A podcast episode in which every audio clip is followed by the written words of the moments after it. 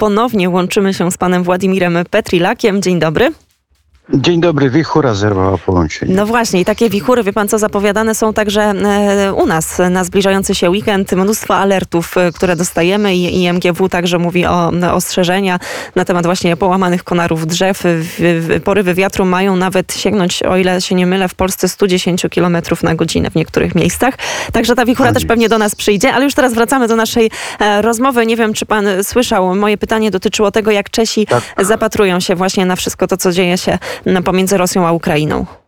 No nie tylko się zapatrują, ale już e, przystąpili do działania. Czeski rząd jednomyślnie uchwalił wysłanie natychmiastowej pomocy militarnej. Chodzi o 4000 sztuk amunicji artyleryjskiej do, na Ukrainę. Było to na prośbę ukraińską i jest to bezodpłatnie przekazany dar Republiki Czeskiej Ukrainie. No jest to chyba coś bardziej potrzebnego niż helmy, które oferują Niemcy.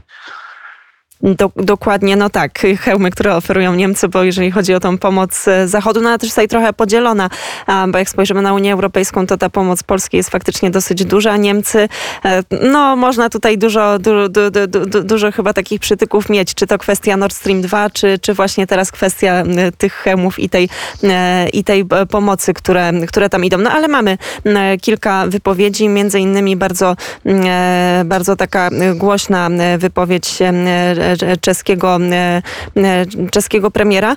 E, pytanie, czy, jak, czy w ogóle krąży i czy jakoś opinia publiczna jest podzielona na temat zaangażowania Czech w ten konflikt, czy o tym się dużo rozmawia, to jest ważna sprawa, ważna sprawa, jeżeli chodzi teraz o, o media i, i właśnie o komentarze w Czechach.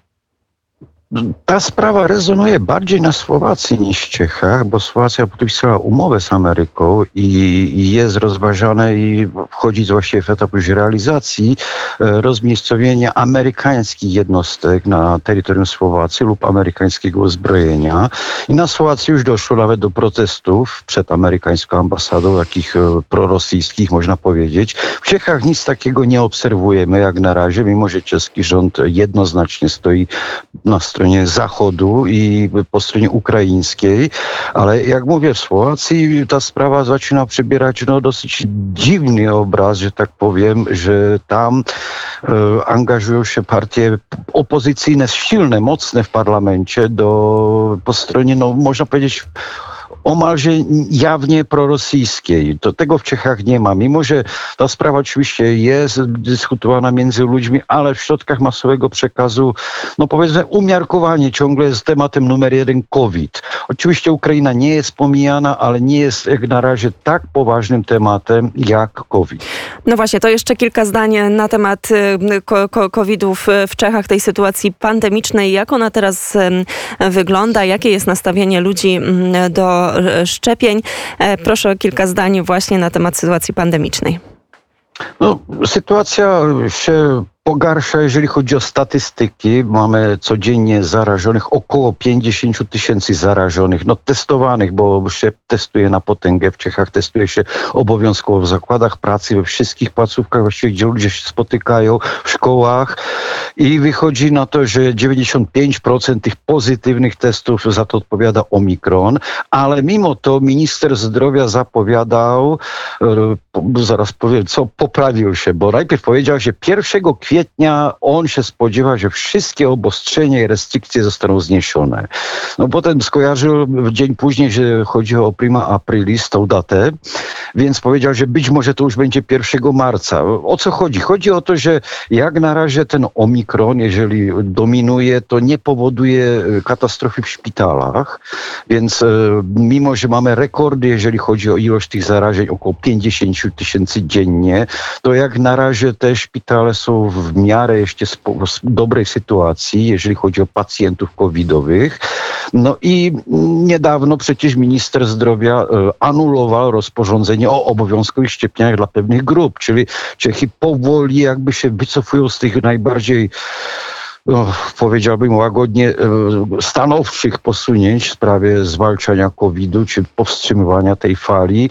I troszeczkę jak gdyby wracają w kierunku normalności, ale nie do końca, bo segregacja sanitarna trwa w najlepsze, bo osoby niezaszczepione wciąż mają zakaz wstępu do różnych miejsc, więc to się nie zmieniło, ale powolutku jak gdyby przemawiał bardziej głos rozsądku, no bo teraz się okazało, że na przykład to testowanie kosztuje około 2 miliardów koron dziennie i to jest potężna kasa i być może też rząd zastanawia się nad tym, że jednak odejdzie od tego testowania, ale jak na razie trwa. Mm, ale jest, ale jest szansa na to, że Czechy pójdą taką drogą, czy to Hiszpanii, Włoch, Austrii. Coraz więcej tych państw odchodzi właśnie od tych twardych lockdownów i zaczyna przyjmować trochę inną politykę. No w Hiszpanii to właśnie między innymi traktowanie COVID-u już jak grypy i dużo takich zmian obserwujemy, więc może będzie taka tendencja, że powoli e, te państwa będą, będą szły właśnie w innym kierunku. Bardzo dziękujemy panu za komentarz.